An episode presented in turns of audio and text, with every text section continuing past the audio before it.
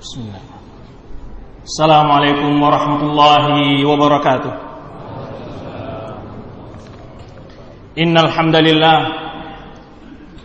نحمده ونستعينه ونستغفره ونعوذ بالله من شرور أنفسنا وسيئات أعمالنا من يده الله فلا مضل له ومن يضلل فلا هادي له وأشهد أن لا إله إلا الله وحده لا شريك له وأشهد أن محمدا عبده ورسوله لا نبي بعده.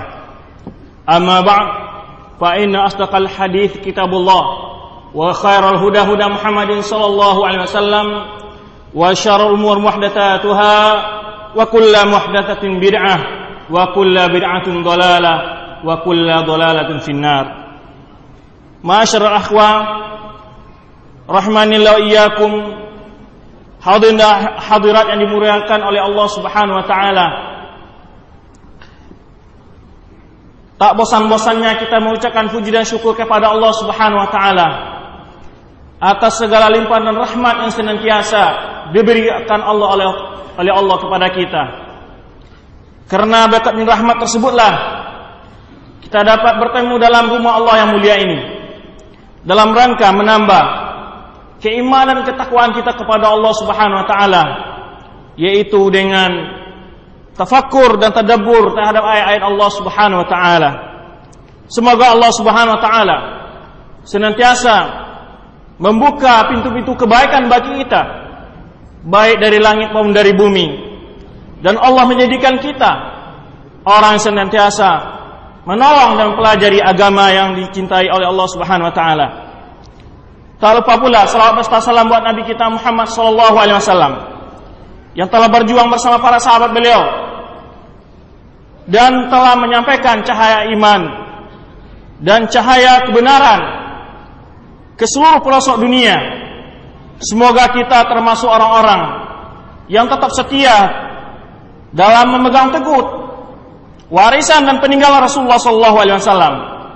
Dan kita sabar di dalam menghadapi berbagai tantangan dan cobaan dalam menegakkan ajaran Rasulullah sallallahu alaihi wasallam. Hadirin dan hadirat yang rahmati Allah Subhanahu wa taala. Bermacam cobaan silih berganti menimpa negeri yang kita cintai ini. Mulai dari awal diawali dengan keseberautan politik dan ekonomi, Lalu datang banjir yang menenggelamkan diikuti oleh kekeringan dan hama yang menggagalkan panen. Dilanjutkan dengan flu burung dan flu babi. Diselingi oleh gempa dan dan banjir bandang. Disusul tsunami dan letusan gunung api. Lalu ditiup oleh angin topan yang menghancurkan segala kehidupan ini. Hadirin hadirat yang dirahmati Allah Subhanahu wa taala. Namun yang menjadi pertanyaan kepada diri kita masing-masing, apakah peristiwa-peristiwa, musibah-musibah tersebut dapat memberikan kesadaran pada diri kita masing-masing? Ataukah masih belum cukup untuk kita berpikir dan mengambil ibar dari segala kejadian yang kita saksikan kita saksikan dan kita alami tersebut. Ataukah kita masih saling menyalahkan dan merasa bahwa segala bencana dan musibah tersebut adalah kena dosa orang lain? Adapun kita adalah orang-orang yang tidak pernah berdosa. Ataukah kita sependapat dengan pandangan orang-orang yang tidak beriman dengan Allah? Mereka mengatakan peristiwa-peristiwa itu hanyalah sebatas gejala alami yang tidak perlu dipikirkan dan tidak perlu direnungkan. Kita mengeluh karena kemiskinan, tetapi berbagai kemubadiran, segala bentuk acara-acara berpoya-poya, menghamburkan baik uang pribadi ataupun uang rakyat, sangat banyak sekali. Kita mengeluh pendidikan Anak-anak banyak yang terlantar. Tetapi kita lihat orang tua merokok yang setiap bulan menghapuskan uang ratusan ribu. Demikian pula para ibu-ibu dan bapak-bapak memenuhi hobi dan kemauannya. Apakah itu dinamakan bunga hias ataupun berbagai macam bentuk barang-barang antik. Mereka merelakan uang mereka jutaan rupiah, tetapi untuk pendidikan anak-anak mereka tidak mereka lakukan. Sebagaimana mereka mementingkan kehidupan berpoya-poya dalam keseharian mereka. Kita mengeluh terjadinya berbagai macam bentuk maksiat, pembunuhan, perzinahan, perampokan, perjudian dan seterusnya menyelimuti dan mengenai kehidupan kita akan tetapi tontonan, penampilan kita, pemikiran kita selalu dihantui oleh hal-hal yang berbau dengan seksual. Kita lihat para wanita berjalan separuh telanjang di hadapan orang ramai. Kita lihat tontonan-tontonan anak-anak kita. Pakaian dari saudara-saudari kita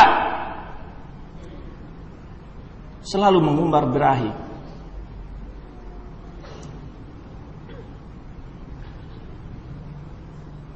Bahkan tontonan-tontonan yang merusak moral dinikmati, dinikmati oleh anak-anak yang mulai merangkak kepada kakek-kakek yang merangkak juga. Ini disaksikan. Bahkan kerusakan tidak sampai di situ.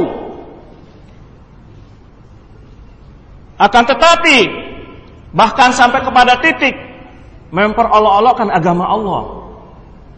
Menghujat Allah dan Rasulnya. Memutarbalikkan pengertian ayat-ayat Allah. Membikin ibadah model ibadah-ibadah baru dan seterusnya. Yang seharusnya pelakunya mendapat hukuman tetapi sebaliknya justru mendapat sanjungan amat jelas apa yang digambarkan Allah Subhanahu wa taala dalam firman-Nya. Zaharal fasadu fil barri wal bahri bima kasabat aydin nas. Telah muncul kerusakan di darat dan di lautan sebab ulah perbuatan manusia. Kerusakan tidak lagi terbatas di daratan, akan tetapi di lautan. Berbagai macam bentuk maksiat terjadi di lautan, perjudian, perdagangan narkoba, penjualan manusia dan seterusnya.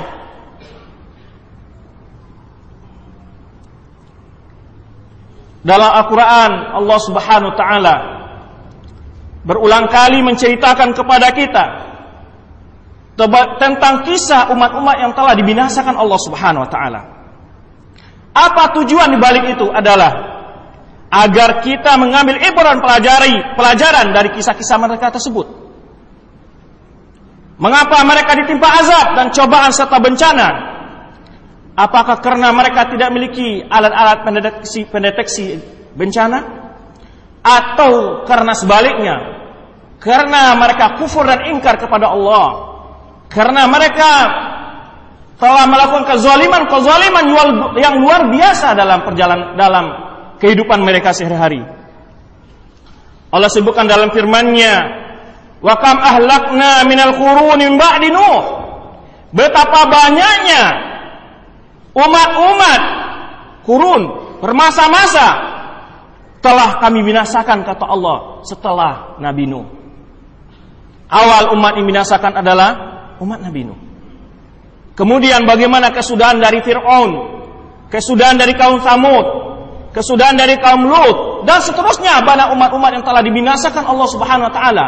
Allah kisahkan dalam kitabnya agar kita agar mendapat pelajaran dan ibrah bahwa segala bentuk kekufuran kemaksiatan adalah membawa bencana dalam kehidupan manusia. Dalam ayat-ayat lain Allah sebutkan alam nuhikil awwalin thumma nutbi'umul akhirin kadzalika naf'alu bil mujrimin Bukankah kami telah binasakan umat-umat yang terdahulu? Kemudian kami perlakukan seperti demikian pula umat-umat yang setelah mereka. Kadzalika naf'alu bil mujrimin. demikian kami perlakukan orang-orang yang berdosa kata Allah Subhanahu wa taala. Berbagai macam batu azab telah menimpa umat-umat yang terdahulu. Di antara mereka ada yang dihujani batu kerikil dari langit. Dan ada pula yang diazab dengan suara keras yang memecahkan telinga mereka. Dan ada pula yang dibenamkan ke dalam bumi secara hidup-hidup. Dan ada pula yang ditenggelamkan ke dalam lautan. Subhanahu Allah kisahkan dalam firman-Nya, "Faqulan akhadna bi dzambihi, faminhum man arsalna 'alaihi hasiba." Faminhum man arsalna 'alaihi hasiba. Masing-masing telah kami azab dengan dosanya. Di antara mereka ada yang kami kirim, kami utus di atasnya hasiba yaitu hujan batu kerikil. Wa minhum man akhadhu sayha di antara mereka yang ada di asap, di adab dengan suara petir yang mengguntur. Wa minhum man khasafna bihil ard di antara mereka ada yang mereka, kami benamkan ke dalam bumi kata Allah. Wa minhum man aghraqna di antara mereka ada mereka yang kami tenggelamkan, kami benamkan ke dalam lautan. Wa ma kana Allah liyadhlimahum walakin kanu anfusahum yadhlimun. Allah tidak menzalimi mereka, akan tetapi mereka sendirilah yang menzalimi diri mereka.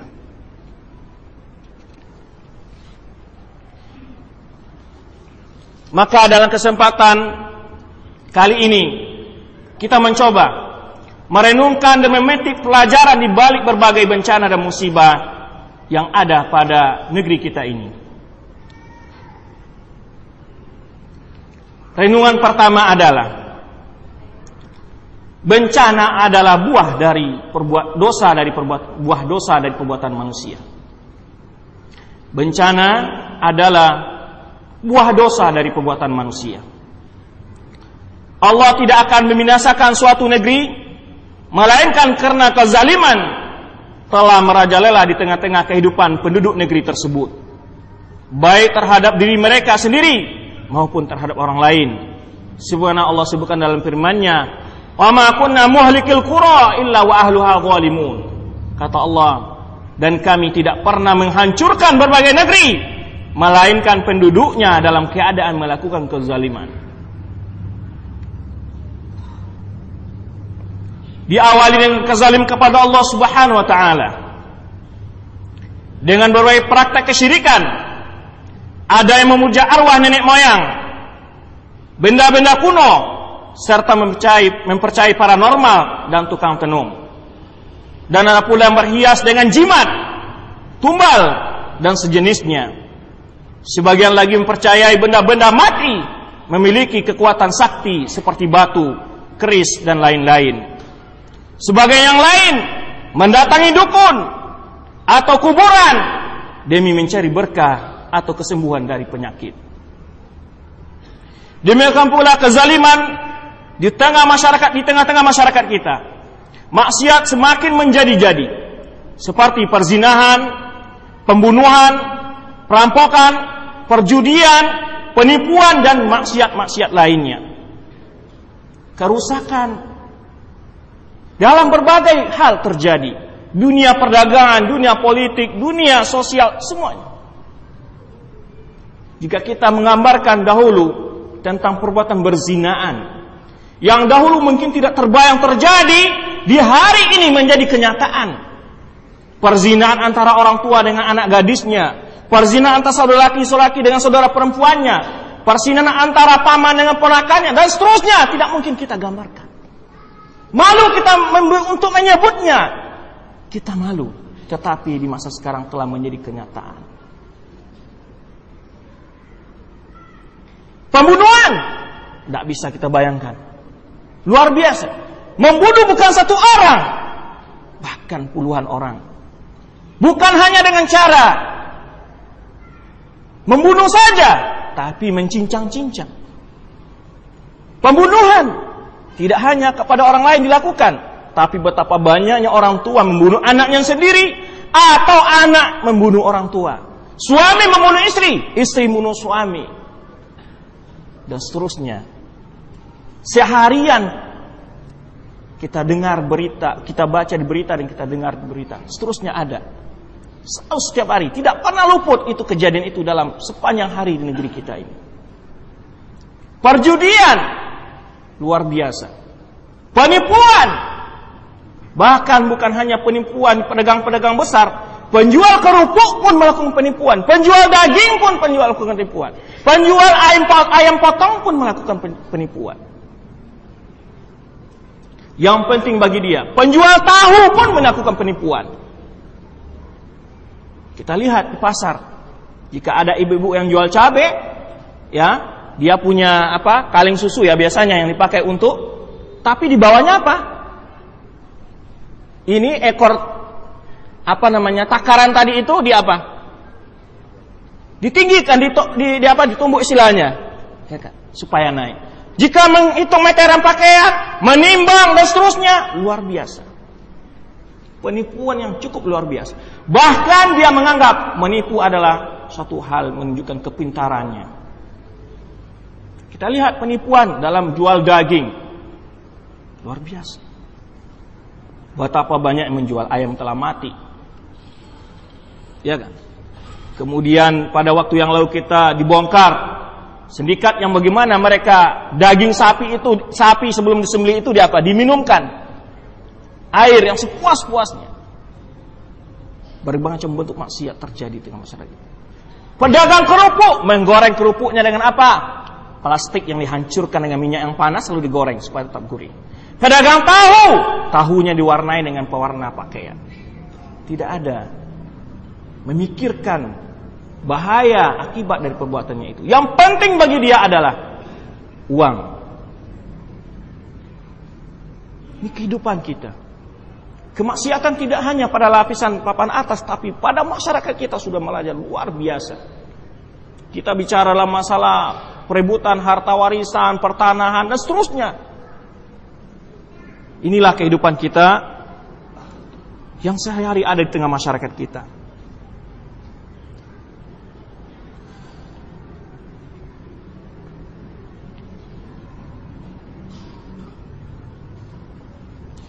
segala macam bentuk nikmat yang diberikan Allah kepada kita kita manfaatkan untuk derhaka kepada Allah Subhanahu wa taala mulai dari mata kita ya? Kita pergunakan untuk menonton apa? Film-film yang porno. Telinga kita dipergunakan untuk mendengarkan nyanyi-nyanyian kemudian lidah kita dipergunakan untuk berbohong dan mengadu domba bergunjing memfitnah dan seterusnya. Oleh sebab itu Nabi Shallallahu Alaihi Wasallam pun telah menyebutkan dalam sabdanya bahwa bencana adalah buah dari sebuah dosa. An Abi Musa Ash'ari radhiyallahu anhu, anna Rasulullah SAW qala dari Abi Musa radhiyallahu anhu bahwa Rasulullah SAW bersabda, qala la yusibu abdan naqbatun fama fawqa audunaha.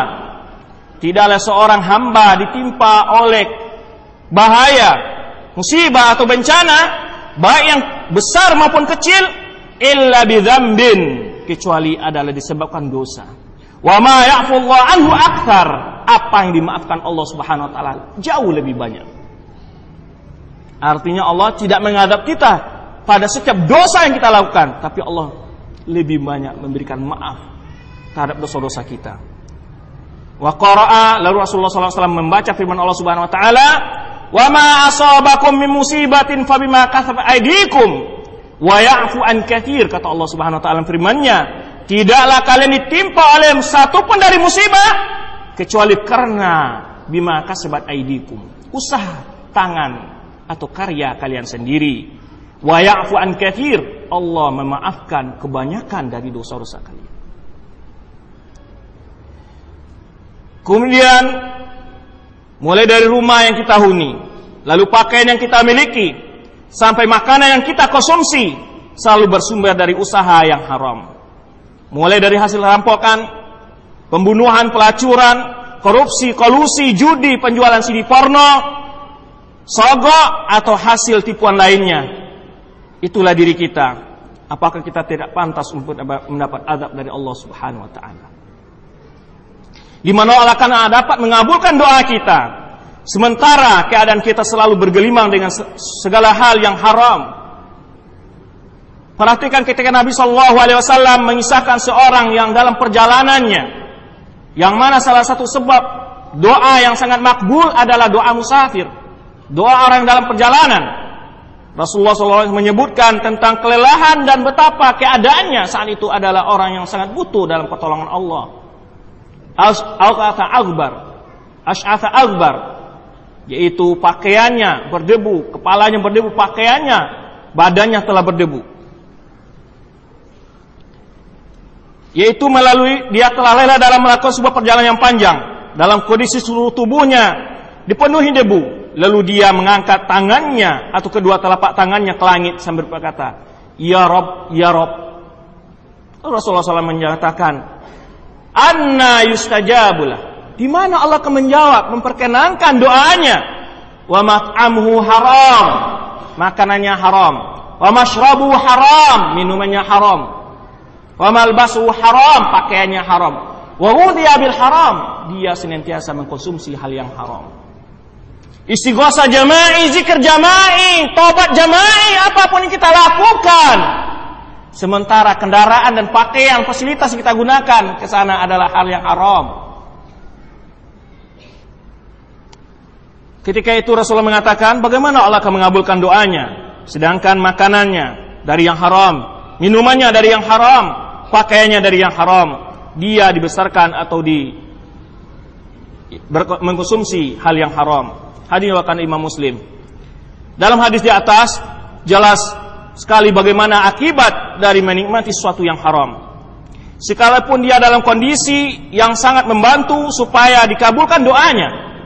Jadi mulai sebab itu para ulama menjelaskan sesuatu itu akan diperoleh memiliki berapa unsur. Pertama, tawafus syurut, lengkapnya syarat. Yang kedua, intifa'al mawani, ada hal yang tidak ada hal yang menghalang. Memang dia dalam kondisi untuk dikabulkan doanya, tapi tak kala ada halangan untuk menyambat doanya ini, Allah Subhanahu wa taala tidak mengabulkan. Dia dalam kondisi berhak untuk dikabulkan doanya, tetapi dia adalah orang yang memakan hal yang haram, doanya tidak terkabul. Karena satu-satu hal yang menghambat dikabulkannya doa adalah mengkonsumsi yang haram. Karena dalam sebuah hadis lain disebutkan bahwa doa musafir itu adalah doa yang paling terkabul. Tapi ada hal yang menghalangi yaitu memakan harta yang haram. Kisah di atas bisa untuk memperbandingkan dan menilai kondisi kita masing-masing. Maka tak kala manusia melupakan peringatan-peringatan Allah dan mereka benar-benar telah tenggelam dalam kesesatan kemaksiatan. Allah membuka pintu kesenangan duniawi untuk mereka dengan seluas-luasnya Lalu Allah mengadap mereka secara tiba-tiba. Merupa, membuat, membuat mereka kesenangan-kesenangan itu melupa lupa daratan, lupa diri.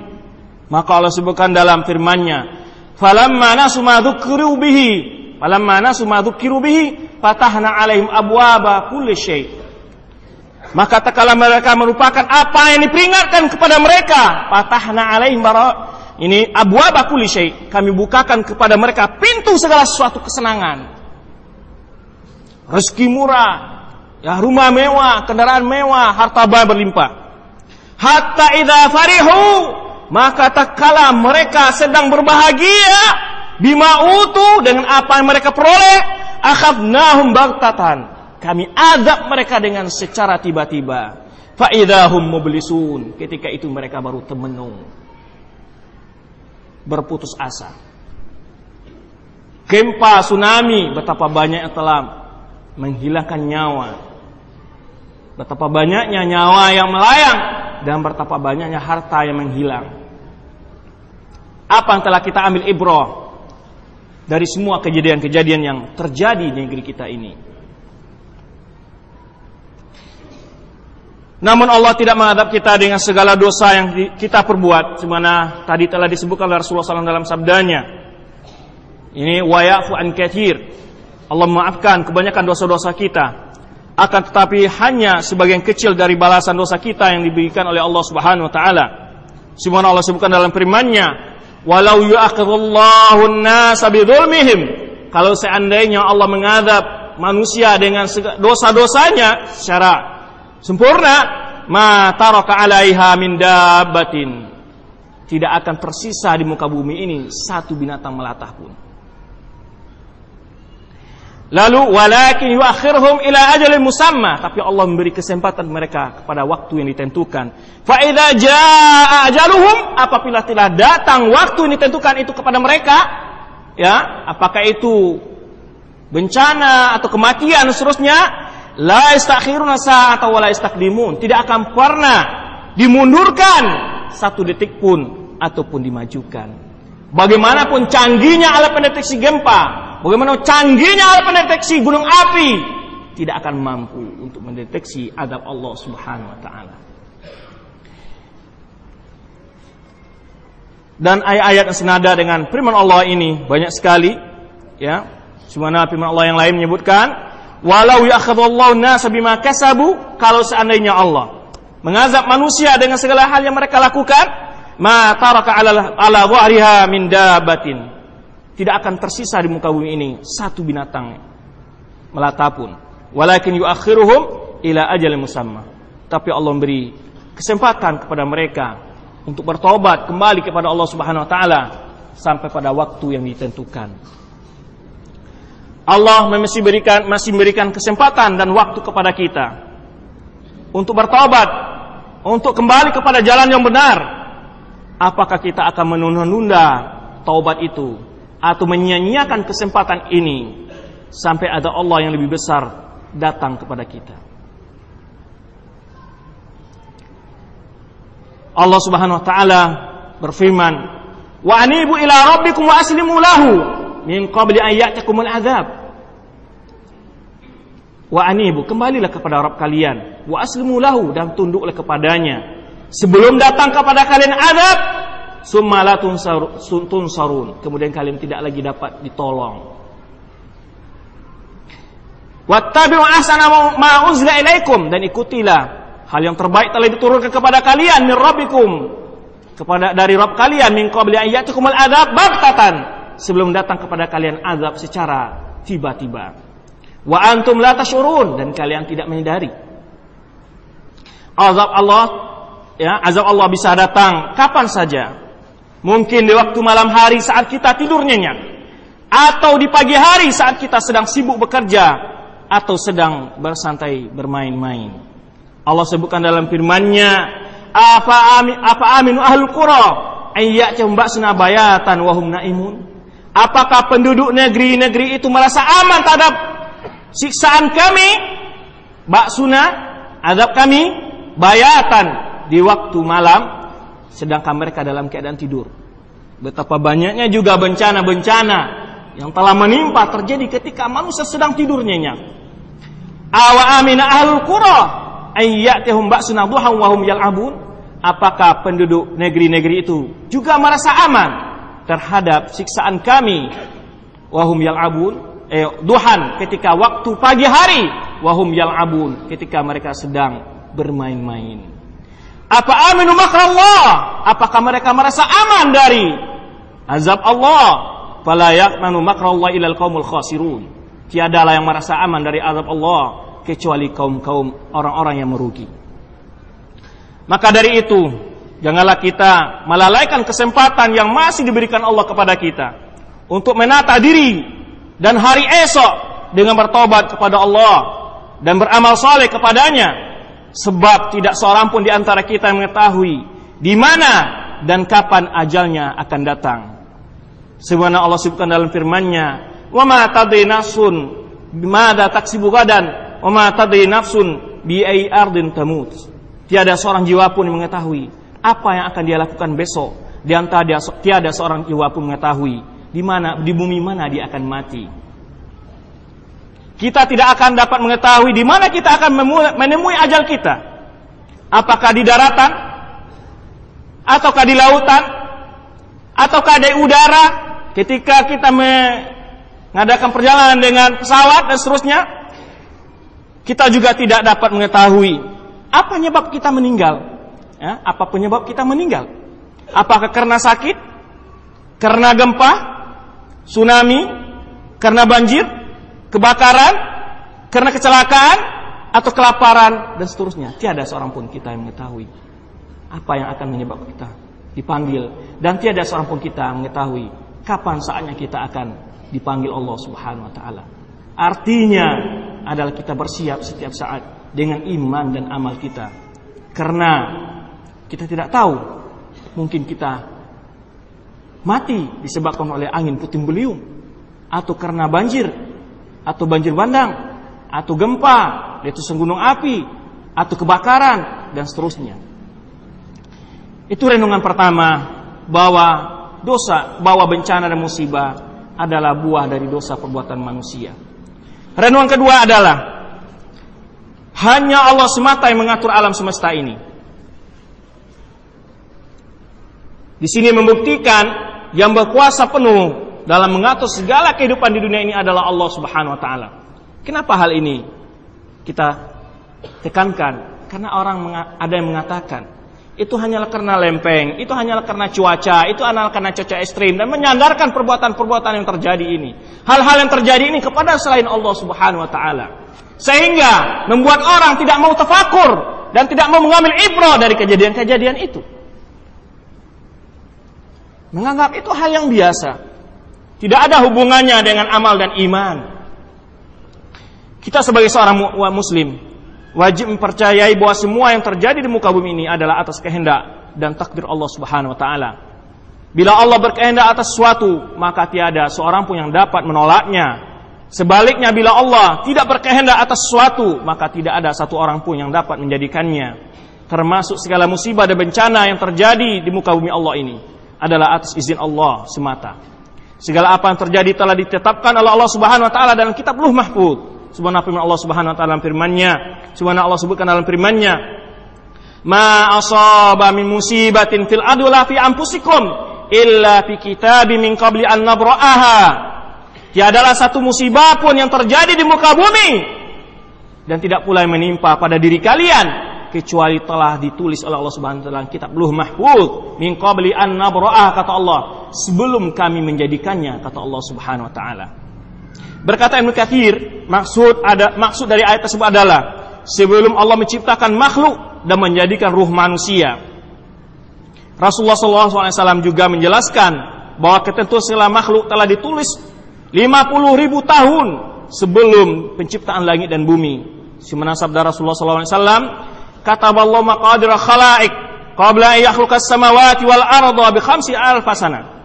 Allah telah menulis ketentuan seluruh makhluk sebelum diciptakannya langit dan bumi 50 ribu tahun.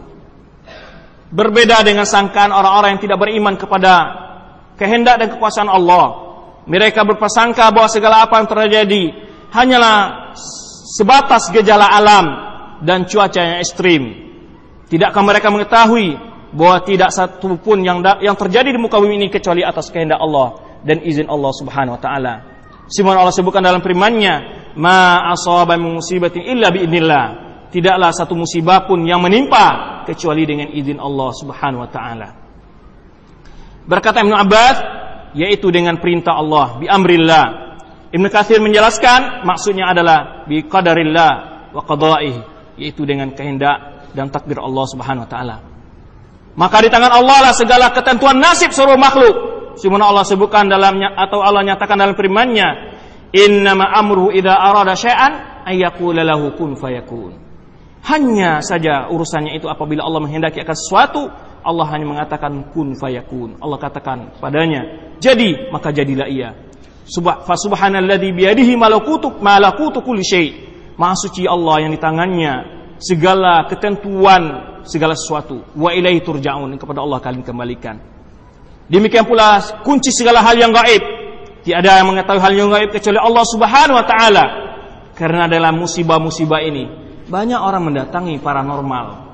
Apalagi seperti yang terjadi ketika Gunung Merapi mau meletus, mereka lebih mempercayai pandangan Marijan daripada apa yang disampaikan Allah dan Rasulnya. Bahkan Marijan sendiri tidak mengetahui kapan dia disapu oleh awan panas itu sendiri. Kita lihat di tempat musibah-musibah itu yang dominan adalah kesyirikan. Sudah meletus gunung itu, sudah mengeluarkan lapa, masih terdapat manusia menyembelih kerbau, lalu berlari mengantarkan kepala kerbau ke gunung itu. sesajian dan seterusnya justru mereka semakin khusyuk dalam melakukan kesyirikan kepada Allah Subhanahu wa taala. Wa indahu mafatihul ghaibi la ya'lamuha illahu. Di sisi Allah segala kunci hal yang gaib. Tiada yang mengetahuinya kecuali Allah. Bila masih ada di antara kita mempercayai di antara makhluk ada mengetahui hal yang gaib, maka ini adalah salah satu bentuk kesyirikan kepada Allah Subhanahu wa taala. Qul la ya'lamu fis samawati wal ardil ghaiba illa Allah. Katakanlah hai Muhammad, tidak ada yang mengetahui siapa pun yang di langit maupun di bumi yang gaib itu kecuali Allah Subhanahu wa taala. Termasuk siapa pun saja, hatta para anbiya tidak mengetahui. Subhanahu Allah pinta kepada Rasulullah SAW, Kul inni la'alamul ghaib. Kul inni inna ma'ana bashar mitulukum. Ya. Sebenarnya Allah sebutkan dalam surah Al-A'raf, ini Kul inni la'amliku nafsi naf'an wala dharran illa masya Allah. Katakanlah Muhammad, aku tidak memiliki untuk diriku manfaat maupun mudarat illa masya Allah kecuali apa yang dikehendaki Allah Subhanahu wa taala. Walau kuntu alamul ghaiba lastaghfartu minal khairi wa ma masani su. Kalau seandainya aku mengetahui hal yang gaib kata Rasulullah sallallahu alaihi wasallam, sungguhnya aku akan mendapat kebaikan yang begitu banyak dan tidak akan pernah timpa oleh hal yang buruk. Renungan ketiga adalah mengingatkan kita akan kehancuran dunia ini beserta segala isinya Sesungguhnya bencana-bencana tersebut mengingatkan kita akan kehancuran dunia ini beserta segala isinya. Bahwa kekayaan yang sejati adalah iman dan amal soleh. Peristiwa-peristiwa yang terjadi tersebut adalah gambaran kecil tentang peristiwa kejadian hari kiamat. Peristiwa gempa yang menghancurkan dan memperandakan segala apa yang ada di muka bumi ini mengingatkan kita kepada peristiwa kehancuran alam ini sering terjadi gempa adalah pertanda semakin dekatnya hari kiamat. Simana Rasulullah SAW sebutkan dalam sabdanya, La takumus sa'atu hatta yukbadul, yukbadal ilmu wa takturaz zalazil. Tidak akan terjadi hari kiamat sampai diangkatnya ilmu dan sering terjadinya gempa. Ketika kiamat terjadi, bumi akan digoncang dengan goncangan yang sangat dahsyat. Tidak mungkin diukur dengan skala licar lagi Sebenarnya Allah sebutkan dalam firman-Nya, "Idza zulzilatil ardu zilzalaha." Ketika bumi digoncang dengan sekuat-kuatnya atau sedahsyat-dahsyatnya, wa akhrajatil ardu athqalaha. Ketika kegoncangan itu yang sangat luar biasa, bumi ini mengeluarkan apa yang ada di dalam perutnya. Apakah itu lava panas, lumpur panas, dan segala isinya keluar. Wa akhrajatil ardu athqalaha Wa qala al-insanu yawma idzin ma. Wa qala al-insanu ma laha. Pada hari itu manusia bertanya, apa yang terjadi gerangan pada bumi ini? Yawma idzin tuhadditsu akhbaraha. Ketika itu bumi memberitakan tentang beritanya. Bi anna rabbaka auhalaha. Bahwa Tuhan telah mewahyukan kepadanya untuk hancur, untuk bergoncang. Kegoncangan terjadi seperti gempa mengingatkan kita bagaimana nanti seandainya bumi ini yang digoncang itu bukan hanya Pulau Mentawai, bukan hanya Kota Padang, tapi seluruh bumi ini tergoncang. Semua isinya terpelanting ke udara, gedung-gedung yang tinggi, gunung-gunung yang menjulang bagaikan debu yang berterbangan. Mengingatkan kepada manusia tentang kehancuran bumi ini itu baru bergoncang dengan kota yang terbatas. Tetapi nanti akan digoncang dengan goncang yang luar biasa. Ketika gempa terjadi kita lihat manusia tidak lagi memikirkan kekayaannya, bahkan hanya memikirkan dirinya sendiri dalam kondisi apa pun dia menyelamatkan dirinya, bahkan ada yang lari tanpa berpakaian. Ketika itu manusia lupa dengan harta bendanya, lupa dengan keluarga dan anak keluarganya serta kari kerabatnya. Begitu pula lah ketika manusia di hari kiamat.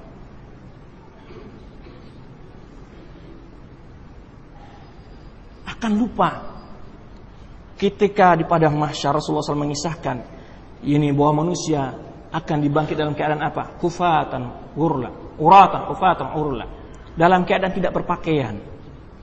Lalu Aisyah bertanya, "Ya Rasulullah, laki-laki dan perempuan kalau di dunia ya biasanya orang terpengaruh dengan kondisi ketika ada perempuan yang tidak pakai laki-laki yang tidak berpuan, berpakaian. Ketika di sana tidak lagi. Kenapa? Karena di sana adalah orang tidak berpikir untuk hal hawa nafsu, tapi adalah ingin memikirkan dirinya demikian beratnya keadaan dan azab Allah Subhanahu wa taala. Demikian pula kita lihat kita saat gempa. Manusia tidak lagi berpikir untuk membawa mobilnya mewah-mewah. Berangkas uangnya mau dibawa lari, tidak. Bahkan anak dan istrinya tidak terpikirkan. Makanya Allah sebutkan dalam firman-Nya, Fa idza ja'atis sakha yauma yafirul mar'u min akhi. Apabila datang hari kiamat, yauma yafirul mar'u min akhi. Seorang manusia itu lari dari saudara. Wa ummihi wa abi, bapak dan ibunya yang melahirkannya, yang membesarkannya, dia lari. Wa sahibatihi wa bani, istrinya yang cantik, ya. Wa bani anak-anaknya yang disayanginya. Wa sahibah wa bani. Likulli imri'in yawma idzin sya'ni yu'ni. Manusia punya urusan masing-masing. Itulah keadaan hari kiamat. Pernahkah peristiwa-peristiwa ini mengingatkan kejadian-kejadian yang luar biasa nanti pada hari kiamat? Ketika kita menyaksikan gambaran kecil, cuplikan tentang keadaan itu. Kemudian, gunung-gunung yang perkasa dan menjulang tinggi, ya. Kemudian, ya, kedasakan goncangan bumi pada saat kiamat tiba, menjadikan bayi-bayi yang sedang dalam kan yakni dalam gendongan ibunya, dalam susuan gendongan ibunya terpelanting dari pelukan ibunya. Dan ibu-ibu yang sedang hamil, wanita-wanita yang sedang hamil keguguran. Begitu kuatnya goncangan. Manusia berjalan dengan sempoyongan bagaikan orang yang mabuk. Tetapi dia tidak mabuk. Orang mabuk kan kesempoyongan. Jalannya tidak tidak berdiri secara benar, menabrak pagar jalan dan seterusnya. Ini digambarkan Allah Subhanahu wa taala firman-Nya. Padahal mereka tidak mabuk, akan tetapi azab Allah lah yang begitu keras. Ya ayuhan nasu taqu rabbakum inna zalzalatas saati syai'un azim. Wahai manusia, bertakwalah kepada Rabb kalian. Sesungguhnya kegoncangan hari kiamat itu syai'un azim. Suatu yang sangat luar biasa. Yauma tarawnaha ketika kalian menyaksikan hari kiamat itu nanti. Tadhalu kullu murdiatin amma arda'at. Yaitu ibu-ibu ya yang setiap ibu yang menyusukan tadhalu amma arda'at. Terpelanting apa yang ada dalam pegangan anak yang sedang disusukannya. Wa tada'u kullu hamlatin hamlaha. Bahkan wanita-wanita yang hamil keguguran kandungannya. Wa taranna sukara wa bisukara Walakin azab Allah syadid. Engkau melihat manusia, bagaikan mereka itu orang-orang yang mabuk. Wa mahum bisukaro. Mereka bukan karena mabuk. Walakin azab Allah syadid. Akan tetapi azab Allah yang begitu keras. Demikian pula letusan gunung api yang mengeluarkan berbagai jenis bahan kimia yang menimbun dan menghanguskan segala apa yang ada di sekitarnya. Kita dengar, kadang kita perhatikan bagaimana gunung api meletus. Itu baru satu gunung. Awan panas itu menghanguskan dengan jarak yang begitu tinggi, kepanasannya yang melebihi luar biasa, bahkan sampai 3000 derajat Celcius, membuat segala apa yang ada di bawahnya hangus. Bagaimana dengan api neraka? Itu baru hanya awan panas. Allah berulang kali menggambarkan kepada kita dalam Al-Quran tentang bagaimana kehancuran gunung saat hari kiamat terjadi. Pada saat terjadi kiamat, gunung-gunung akan berjalan dan saling bertabrakan antara satu dengan yang lainnya. Sehingga gunung-gunung itu hancur menjadi pasir. Ya, lalu atau ia bagaikan bulu yang berterbangan atau debu yang berterbangan.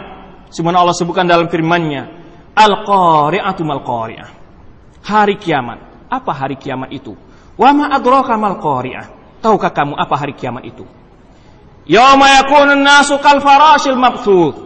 Yaitu pada hari itu manusia adalah seperti aneh-aneh yang berjalan. Semuanya berbangkit dari kuburnya. Manusia bagaikan aneh-aneh. Kita lihat bagaimana aneh-aneh berjalan. Dan gunung-gunung, ya ne? Wa takunul jibalu kal ihnil manfush. Gunung-gunung yang menjulang itu bagaikan bulu yang dihambur-hamburkan. Kita lihat bagaimana bulu ayam diterbangkan angin, begitulah nanti gunung. Yang perkasa dan menjulang tinggi itu. Wa takunul jibalu kal ihnil manfush. Gunung-gunung ya akan dihamburkan bagaikan bulu seperti bulu. Gunung-gunung yang perkasa dan menjulang Ya gunung-gunung yang perkasa dan menjulang tinggi akan menjadi tumpukan-tumpukan pasir yang berterbangan. Kita lihat kalau di padang pasir itu angin kencang itu bisa membuat gunung. Pasti berterbangan. Luar biasa kekuatannya. Ketika kami masih di Madinah, pernah di waktu musim panas, angin kencang. Waktu di sekitar Masjid Nabawi itu masih lapangan pasir. Kita berjalan, itu bisa terpelanting. Ketika satu kali kami melihat ada angin yang turun dari atas begitu kencangnya dan berputar di tanah, itu melubang dan membawa semua gunung pasir itu ke atas, Shhh, dibawa terbang ke atas. Luar biasa. Hal ini ya Allah sebutkan dalam firman-Nya, "Yauma tarjuful ardu wal jibalu wa kanatil jibalu kathiban mahila." Pada hari bumi dan gunung-gunung bergoncang, dan gunung-gunung itu menjadi tumpukan-tumpukan pasir yang berterbangan. Yauma tarjuful ard wal jibalu wa kanatil jibalu katiban mahila. Ketika bumi dan gunung itu bergoncang, jadilah gunung itu bagaikan apa? Tumpukan tumpukan pasir yang berterbangan. Kita lihat hari ini, debu yang sangat halus sekali. Itu asalnya hancurnya debu itu kenapa? Karena saking panasnya yang ada di perut gunung itu. Kan batu-batu besar sebetulnya yang dilemparkan ke atas. Dan seterusnya kita lihat luar biasa sekali. Itu baru satu gunung. Bagaimana kalau seandainya dua dan tiga gunung, semua gunung yang ada di bumi ini.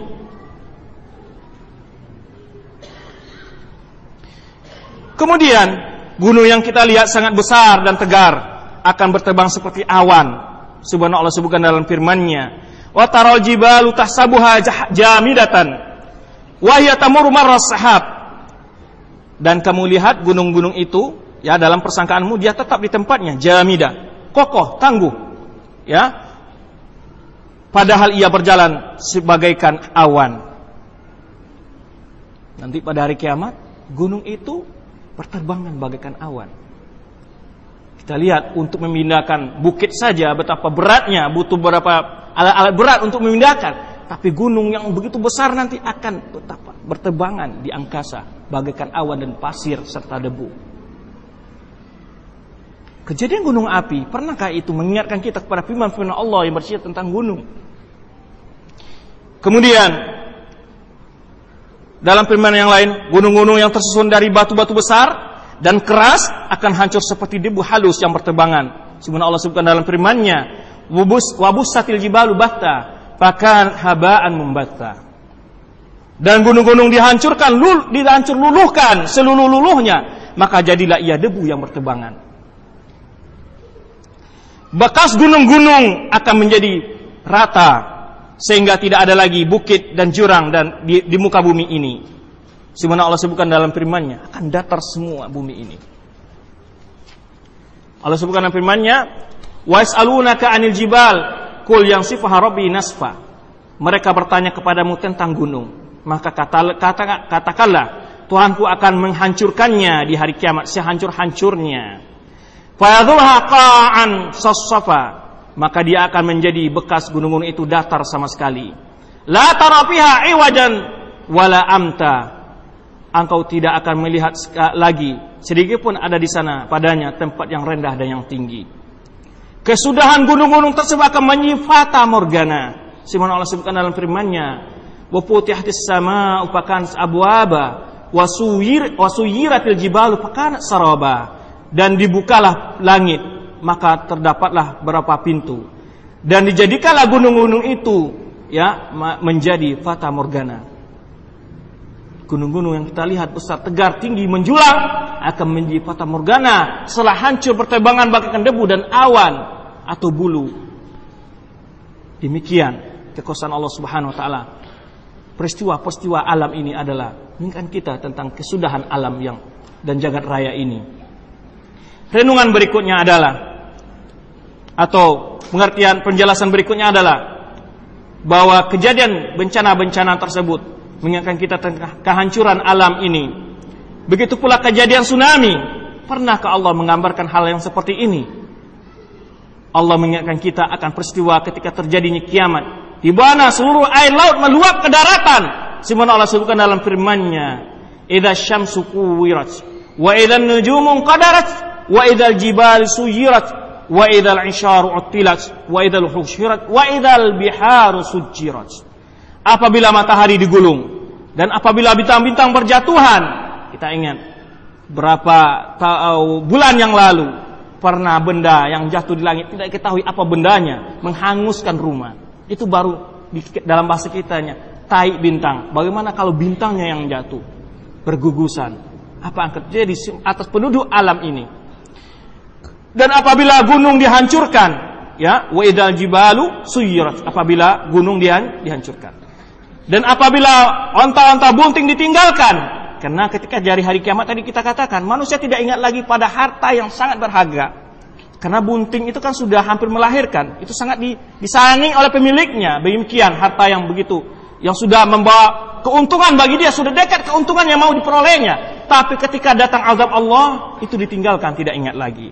Dan apabila binatang-binatang liar dikumpulkan, kita lihat ketika terjadi bencana gunung api, itu binatang-binatang menjauhi tempat-tempat akan terjadi bencana itu dan mereka berkumpul.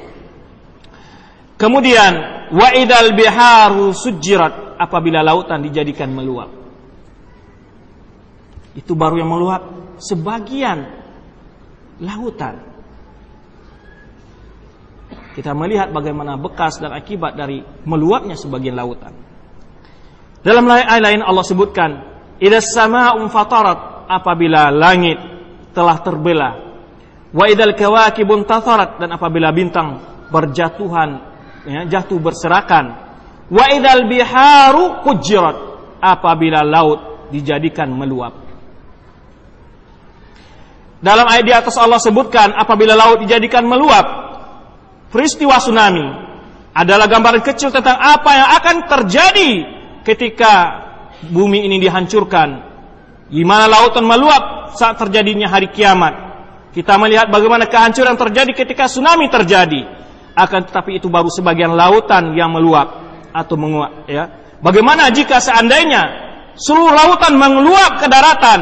Kira-kira apa yang akan terjadi? Tentu air laut tersebut akan menyapu habis segala apa yang ada di daratan sehingga daratan bersih dari segala tanda-tanda kehidupan. Manusia akan tenggelam di telan lautan bersama harta dan segala kekayaannya. Tidak ada lagi yang bisa kita banggakan ketika peristiwa-peristiwa itu telah terjadi. Ini adalah gambaran-gambaran kecil tentang tsunami, tentang gunung api, tentang uh, gempa dan seterusnya. Mengingatkan kita akan peristiwa yang jauh lebih besar dan lebih dahsyat dari apa yang kita lihat itu. Renungan keempat adalah wajibnya kita bersabar yang diiringi dengan introspeksi diri ya introspeksi diri, bertobat kepada Allah Subhanahu wa taala. Di antara tujuan Allah memberikan cobaan dan ujian kepada kita adalah agar terbukti siapa yang benar-benar beriman dan siapa yang pura-pura beriman. Sebagaimana Allah sebutkan dalam firman-Nya, "Ahasiban nas ayyutraku ayyaqulu wa ayyaqul amana wa hum la yaftanun?" Apakah manusia itu mengira mereka dibiarkan mengucapkan amanah kami telah beriman. Wahum la yuftanun kemudian mereka tidak akan diuji lagi. Walaqad fatanna alladziina min qablihim. Sungguh kami telah menguji orang-orang sebelum mereka. Fala ya'lamallahu alladziina sadaqu wa la ya'lamanal kadzibin Allah sehingga Allah mengetahui siapa orang-orang yang benar-benar jujur dalam imannya dan siapa orang-orang yang bohong di dalam pengakuan keimanannya Allah memberikan cobaan agar kita tidak lupa diri ketika diberi nikmat dan tidak putus asa ketika diuji oleh Allah Subhanahu wa taala dengan musibah dan cobaan. Sebagaimana Allah sebutkan dalam firman-Nya, "Ma asaba min musibatin fil ardi wala fi anfusikum illa fi kitabim min qabli an nabra'aha. Inna dzalika Allah yasir." Tiada satu musibah pun yang menimpa di bumi dan pada diri kalian kecuali telah ditulis, telah ditakdirkan Allah di dalam kitab Luh Mahfuz sebelum Allah menjadikan sebelum Allah menjadikannya. Inna dalika Allah yasir. Hal itu sangat mudah bagi Allah. Likaila ta'sau. Agar kalian tidak putus asa alama fatakum. Terhadap apa yang kalian tidak peroleh. Agar kalian tidak berputus asa terhadap apa yang kalian pro, tidak pro. Agar kalian tidak berputus asa, ya.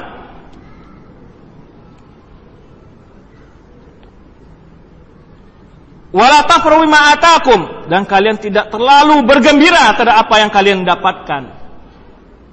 Ya, jangan terlalu berputus asa. Orang miskin jangan terlalu merendah diri. Allah telah tidak sayang kepada saya. Ya.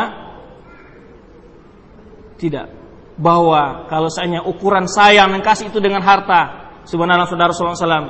Kalau seandainya nikmat dunia ini kata Rasulullah SAW, memiliki nilai di sisi Allah sebesar sayap nyamuk, Allah Subhanahu wa taala akan memberi orang kafir walau syurbata ma'in, walau seteguk air. Dunia tidak adalah harganya di sisi mata Allah Subhanahu wa taala. Kemudian jangan pula orang yang memiliki kemampuan harta merasa sombong dan bangga bahwa kekayaan itu amat mudah hilangnya dari tangan Anda. Jangan sombong. Bisa dengan terbakar, bisa dengan banjir, bisa dengan gempa, letusan gunung api, ya, tsunami dan seterusnya. Artinya apa? Maka kita tidak boleh juga berputus asa ketika diuji Allah Subhanahu wa taala, ya, dengan kekurangan di segi materi dan juga kita sombong ketika kita diuji Allah Subhanahu wa taala dengan mendapatkan kesenangan-kesenangan duniawi. Rasulullah SAW juga menyebutkan dalam sabdanya diriwayatkan Imam Muslim dari hadis Suhaib radhiyallahu anhu qala qala Rasulullah SAW ajama li amril mu'min. Sangat mengagumkan urusan orang-orang beriman itu. Inna amrahu kulluhu khair. Inna amru kullahu khair sungguhnya urusan orang beriman itu semuanya baik. Walaysa dzalika li ahadin illa li mu'min. Hal itu tidak mendapatkannya kecuali orang-orang mukmin. In asabathu sarra syakara. Jika dia mendapat hal yang menyenangkan dia bersyukur. Ya pakana khairlah hal itu sangat baik baginya. Wa in asabat wa in asabat hudarra fasabara pakana khairlah jika dia ditimpa oleh kesusahan maka dia bersabar. Maka itu adalah hal yang ba yang baiknya kondisi kita apabila kita diuji dengan kesusahan kita bersabar itu adalah kebaikan bagi kita apabila kita mendapat nikmat dari Allah Subhanahu wa taala dan kita bersyukur itu juga baik bagi kita adalah hanyalah bagi orang-orang yang yang beriman. Artinya bagaimana? Orang beriman akan dituntut oleh imannya terhadap mempergunakan hartanya. Orang yang beriman akan dituntut oleh imannya ketika dia menghadapi kesulitan. Keadaan ketidak, ketidakberpunyaannya atau ketika miskinannya tidak mendorong dia untuk mencuri, merampok dan membuat hal-hal yang haram. Demikian pula orang memiliki harta, hartanya itu tidak men, me, menggiurnya atau membuatnya lupa diri sehingga hartanya dipergunakan untuk berbuat maksiat kepada Allah tapi dia akan menggunakan hartanya pada hal-hal dari Allah Subhanahu wa taala. Manusia saat ditimpa musibah atau cobaan terbagi kepada tiga bentuk dalam menghadapi mensikapi musibah tersebut. Pertama adalah orang yang akan datangnya musibah atau bencana membuatnya kembali kepada Allah.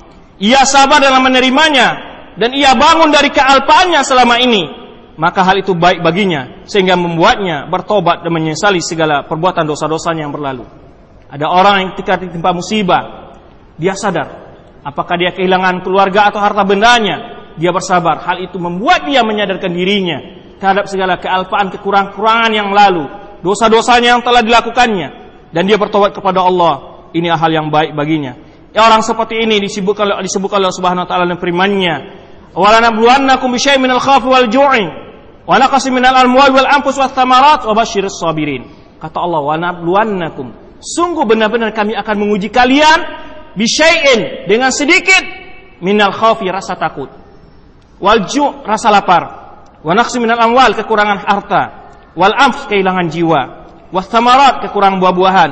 Wa basyirus sabirin. Tetapi orang yang bersabar dalam menghadapi kondisi ujian diberikan Allah, beri kabar gembiralah dia kata Allah Subhanahu wa taala alladzina idza asabathum musibah yaitu orang-orang apabila mendapatkan ujian dari Allah Subhanahu wa taala qalu inna lillahi wa inna ilaihi rajiun dia mengatakan sungguhnya saya dan segala apa yang aku miliki adalah milik Allah.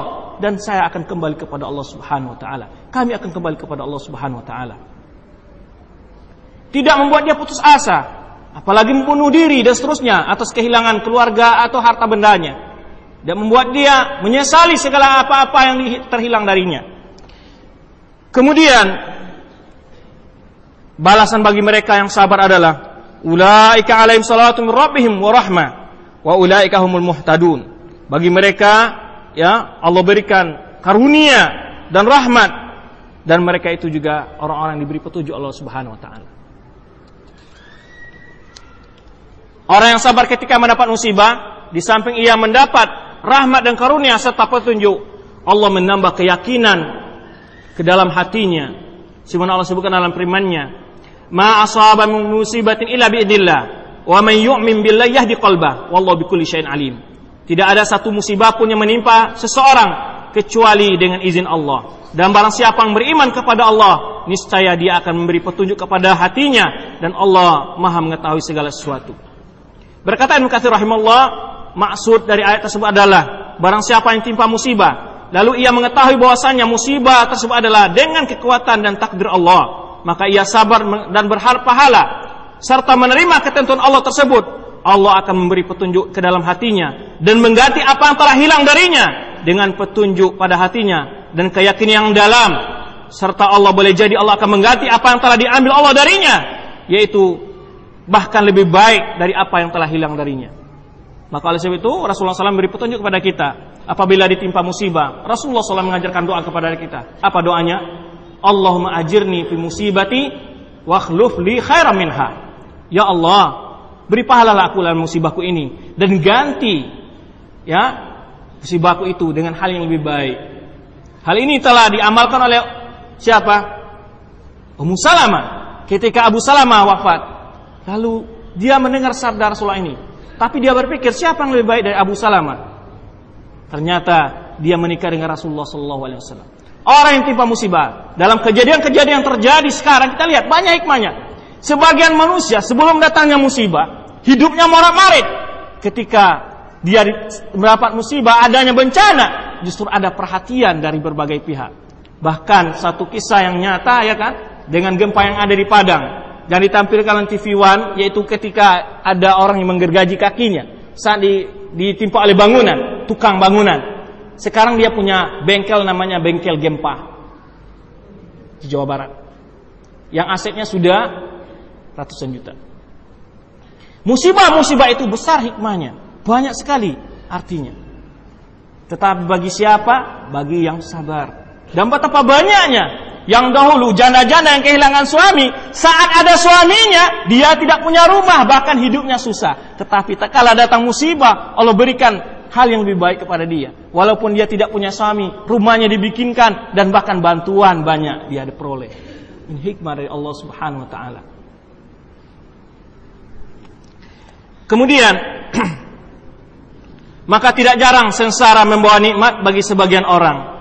Sebelum ditimpa musibah hidupnya serba susah, setelah datang musibah justru hidupnya lebih baik karena mendapat perhatian dari berbagai pihak yang prihatin terhadap kondisinya. Sebagaimana Allah sebutkan dalam firman-Nya, "Fa inna ma'al usri yusra." Inna ma'al usri yusra. Ini seorang mukmin meyakini hal seperti ini. Maka sungguhnya bersama kesulitan itu kamu bersama bukan setelah. Bersama kesulitan ada kemudahan. Dan diulang oleh Allah Subhanahu wa taala berapa? dua kali. Inna ma'al usri yusra. Sungguhnya bersama kesulitan ada ke kemudahan. Oleh sebab itu Rasulullah SAW sebutkan dalam sabdanya, yaitu dalam hadis yang berbunyi, An-nasru sabri. Kemenangan itu bersama kesah, kesabaran. Wal faraju ma'al karbi. Kemudahan itu bersama kesulitan. Wa inna ma'al usri yusra. Wa inna ma'al usri yusra Kata Rasulullah SAW Sesungguhnya bersama kesulitan itu ada kemudahan. Sesungguhnya bersama kesulitan itu ada kemudahan. Berkata Ibnu Abbas radhiyallahu anhu Wa man yu'min billahi yahdi qalbah. Dalam menafsirkan firman Allah Subhanahu wa taala ini, barang siapa yang beriman dengan Allah, Allah akan menunjukkan hatinya, yaitu Allah menunjukkan hatinya lil yakin kepada keyakinan bertambah keyakinan kepada Allah Subhanahu wa taala terhadap adanya hari kiamat, terhadap yang berkuasa ini hanya Allah Subhanahu wa taala. Termasuk dari renungan-renungan kita sebutkan tadi, menambah keyakinan kepada dirinya, meningkatkan nilai keimanannya. Fa ya'lamu anna ma asabahu lam yakun liyukhti'ah. Dia mengetahui apa yang telah menimpanya bukanlah tidak akan pernah yang telah ditakdirkan untuk menimpanya tidak akan pernah meleset dan apa yang tidak ditakdirkan untuk menimpanya tidak akan pernah menimpanya dia beriman semuanya atas takdir Allah Subhanahu wa taala Kemudian bentuk orang yang kedua dalam hadis musibah. Ada orang yang akan datangnya musibah atau bencana, si ketika itu dia tunduk bertobat kepada Allah Subhanahu wa taala. Kita lihat ya, ketika ada tsunami, ketika pekikan Allahu Akbar. La ilaha illallah, berdoa kepada Allah, tasbih kepada Allah. Apalagi kalau Bapak Ibu naik kendaraan ya, pemanya kendaraan mengerem mendadak, itu semuanya Allah Akbar. Semuanya takbir. Tetapi itu hanya saat itu saja. Saat itu saja. Tapi setelah musibah bencana berlalu, mereka lupa kembali. Ini Allah kisahkan dalam firman-Nya nanti, yaitu ada orang yang akan datangnya bencana musibah, si ketika itu dia bertobat dan tunduk kepada Allah Subhanahu wa taala, bahkan berdoa setiap saat, berdiri duduk dan berbaring. Tapi setelah musibah bencana itu berlalu, ia kembali kepada kedurhakaannya kepada Allah. Ia kembali melakukan segala bentuk kemaksiatan dan kemungkaran yang biasa dia lakukan sebelum datangnya bencana tersebut. Orang seperti ini digambarkan Allah dalam Subhanahu wa taala dalam firman-Nya, Wa idza masal insana durru da'ana li jambihi aw qa'idan aw qa'ima. Apabila manusia ditimpa oleh durru, ya, oleh bencana, oleh kesulitan, da'ana li jambihi, dia berdoa kepada kami dalam keadaan berbaring, aw qa'idan, duduk, aw qa'iman atau sedang berdiri. Senantiasa zikir Allah, rajin salat berjamaah dan seterusnya. Ketika ada musibah, musibah, rajin bersikir, membaca Al-Qur'an dan seterusnya. Falamma kasyafna anhu durrah. Tatkala kami hilangkan kesusahan itu darinya marra. Dia berlalu ka'lam yad'una ila durrin massahu. Dia kembali berlalu seolah-olah dia tidak pernah berdoa kepada kami kata Allah Subhanahu wa taala untuk menghilangkan bahaya yang menimpanya. Kadzalika zuyyina lil musrifina ma kanu ya'malun. Demikian dijadikan indah perbuatan demikian bagi orang berdosa apa yang dia lakukan. Nah, kalau Allah menghilangkan bencana itu, lupa segalanya. Ya, lupa segalanya. Ketika bencana itu telah hilang dan inilah kenyataan yang ada dalam masyarakat kebanyakan masyarakat kita. Jika ada bencana, subhanallah, orang rajin sholat berjamaah, tafakur dan terdebur dan seterusnya membaca Al-Quran. Tak kala bencana hilang, kembali maksiat-maksiat ya atau kedai-kedai remang-remang itu kembali dibangun lagi. Seterusnya, tanpa ada perbaikan. Ya, ketika ada musibah, masjid penuh dan seterusnya. Hal ini bisa kita ambil. Ambillah contohnya Aceh, ambillah mana pun daerah yang pernah timpa musibah. Saat itu manusia, subhanallah, bahkan melakukan ibadah-ibadah yang nggak ada syariatnya. Sholat duha berjamaah di pinggir laut, bersikir jama'i dan seterusnya. Berdoa, berdoa kepada Allah. Tetapi tak kala musibah berlalu, berlalu pula lah segala bentuk kesadaran itu. Bentuk ketiga adalah orang ketika ditimpa bencana musibah, yaitu orang ketika ditimpa bencana musibah justru semakin bertambah kedurhakaannya kepada Allah, bukan menambah kesadaran pada dirinya. Semakin menjadi jadi, ya, dia melakukan mantuk maksiat dan kemungkaran tersebut. Bahkan dia memanfaatkan situasi tersebut untuk melakukan segala bentuk perbuatan keji dan hina. Kita lihat ya, apa yang terjadi di tempat-tempat maksiat di saat adanya bencana, di pengungsi-pengungsian terjadi perzinaan. Bahkan saat lari dari gunung api, ada orang melarikan istri orang lain.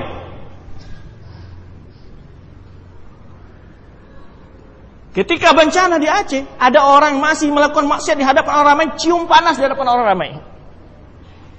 Coba akan dideteksi oleh para relawan-relawan betapa banyaknya yang memenuhi berahi orang-orang relawan dari barat itu itu dengan maksiat ya kan? Bukan menawa membawa kesadaran pada dirinya. Justru semakin durhaka kepada Allah.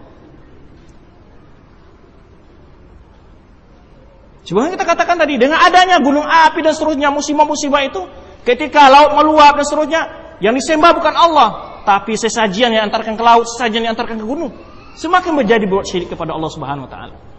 Ketika lumpur lopindo yang keluar, apa? Disembelih kambing di situ. Dilemparkan. Syirikan senantiasa dilakukan orang. Bukan menambah dia sadar kepada Allah Subhanahu wa taala.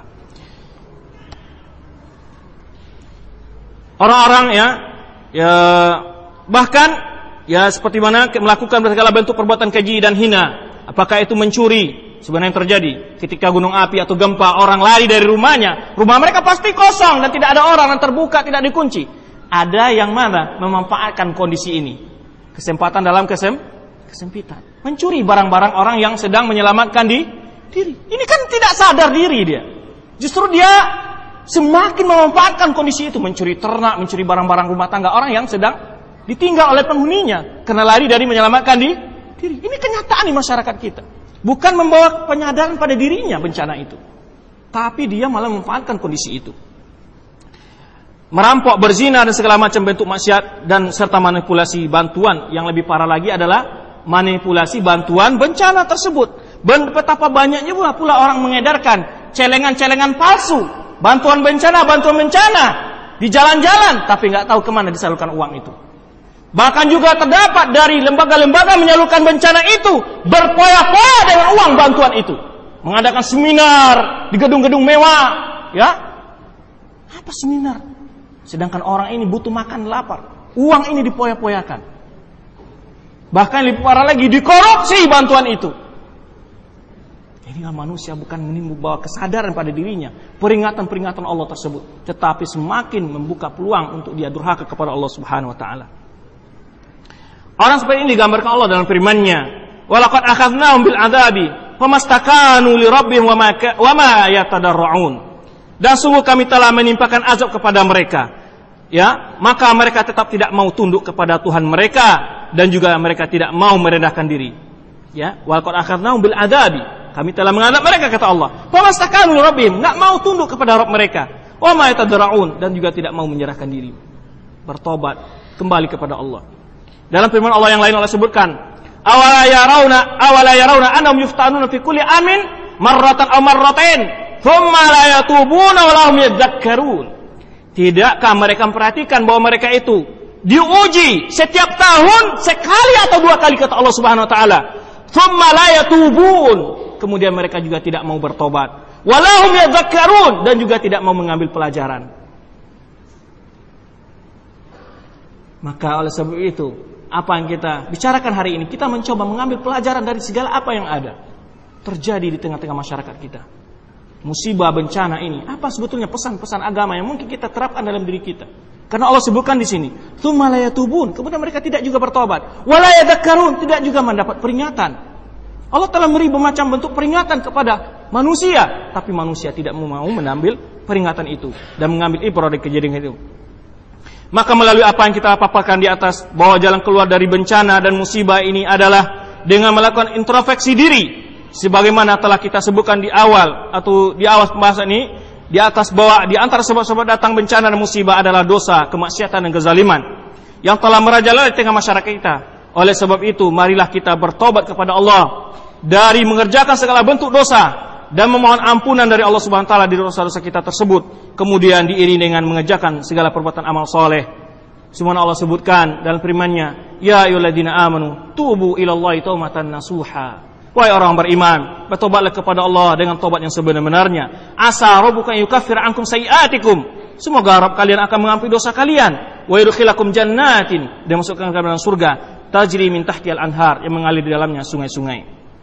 Faman taba min ba'di dzulmihi kata Allah, barang siapa bertobat setelah dia melakukan kezalimannya, wa aslaha, bertobat wa aslaha dan memperbaiki diri fa inna Allah yatubu alaihi inna Allah ghafurur rahim. Sungguhnya Allah menerima tobatnya ya Allah akan menerima tobatnya dan Allah Maha Pengampun lagi Maha Penyayang. Ketika kaum muslim ditimpa musim pencaklik di masa Khalifah Umar bin Khattab radhiyallahu anhu, ia memanjatkan doa kepada Allah, "Ya Allah, sesungguhnya suatu musibah tidak akan turun kecuali dengan sebab dosa dan tidak diangkat kecuali dengan bertobat." Maka oleh sebab itu, marilah setiap kita melihat pada diri masing-masing, jangan masih menunjuk dan menyalahkan orang lain, di mana letak diri kita dalam melaksanakan perintah dan larangan Allah. Bila hasilnya selalu terbalik, setiap perintah kita lalaikan dan setiap larangan kita lakukan, maka hendaklah kita berputar haluan dari hal yang berlawanan tersebut kepada jalan yang lurus. Kita bertawad kepada Allah Subhanahu wa taala dari melakukan berbagai macam bentuk hal baik orang urusan ekonomi ataupun urusan sosial masyarakat kita. Renungan kelima adalah renungan terakhir adalah bencana dan musibah itu telah menghidupkan kembali ruh kebersamaan di kalangan kaum muslimin. Yang mana selama ini kita telah terkotak-kotak dengan otonomi daerah, terkotak-kotak oleh partai-partai, kelompok-kelompok. Dengan adanya musibah, Allah mengingatkan kita bahwa kita ini bersaudara. Hilanglah batas-batas yang duniawi itu dari yang menyebabkan kita tidak memperhatikan saudara-saudara kita yang lain. Dengan adanya sekarang orang ta'assub, ya, berbangga dengan daerahnya, dengan kelompok dan partai-partainya. Maka dengan ada musibah ini kembali menghidupkan ruh kebersamaan di kalangan kaum muslimin. Bahwa tiada yang lebih kuat dari jalinan antara kita daripada jalinan keimanan. Bahkan lebih kuat daripada jalinan keturunan. Ini harus ada dalam diri kita. Di mana pun saudara kita menderita bahwa itu adalah penderitaan kita. Saudara-saudara kita yang sedang ditimpa bencana sedang diuji oleh Allah Subhanahu wa taala atas kesabarannya. Namun kita yang masih selamat dari bencana sedang diuji pula oleh Allah Subhanahu wa taala. Apakah kita memiliki rasa persaudaraan yang dalam? Ya, tentang keimanan Allah menguji tentang keimanan kita. Apakah kita memiliki rasa persaudaraan Islam yang kokoh? Apakah kita memiliki sifat suka membantu, suka berinfak, suka berkorban untuk meringankan beban saudara-saudara kita yang sedang ditimpa kesusahan tersebut?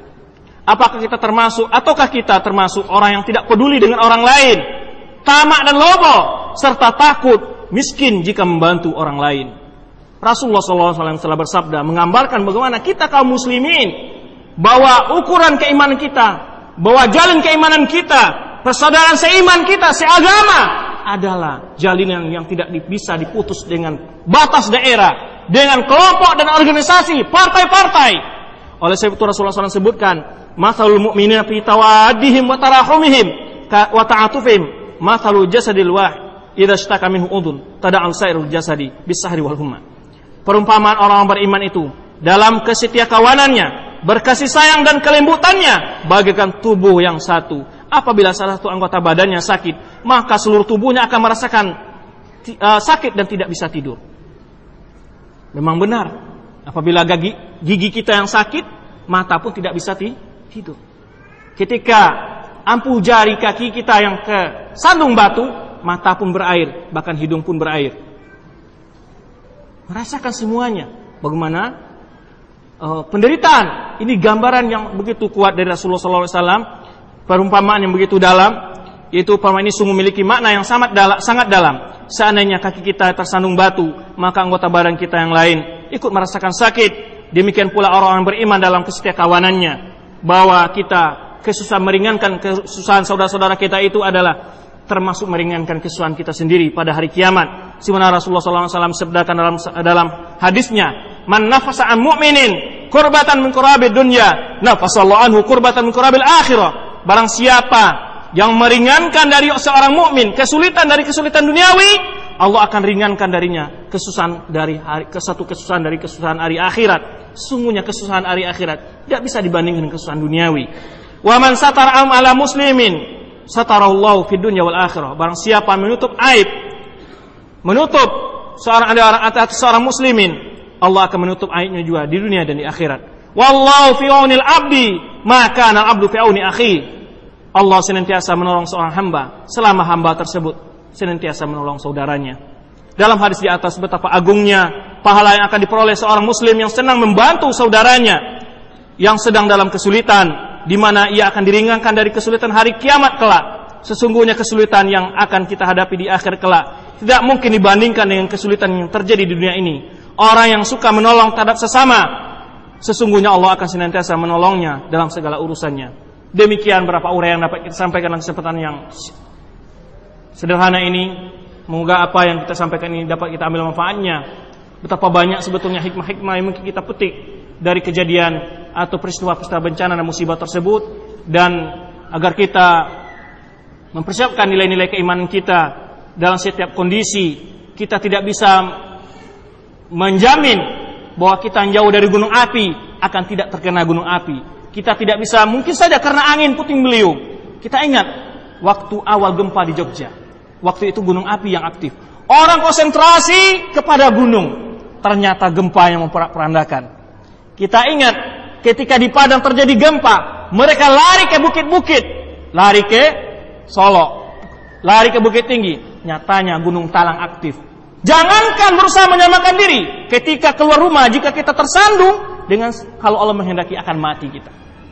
Jangan perkara menyelamatkan diri dengan hal-hal duniawi kita pikirkan. Selamatkanlah dengan hanya kita akan selamat dengan iman dan ketakwaan kita kepada Allah Subhanahu wa taala. Tiada yang bisa menyelamatkan kita baik dari bahaya dunia dan akhirat kecuali hanya Allah Subhanahu wa taala. Maka intisarinya adalah kita kembali menata diri kita dengan ilmu dan iman dan amal soleh.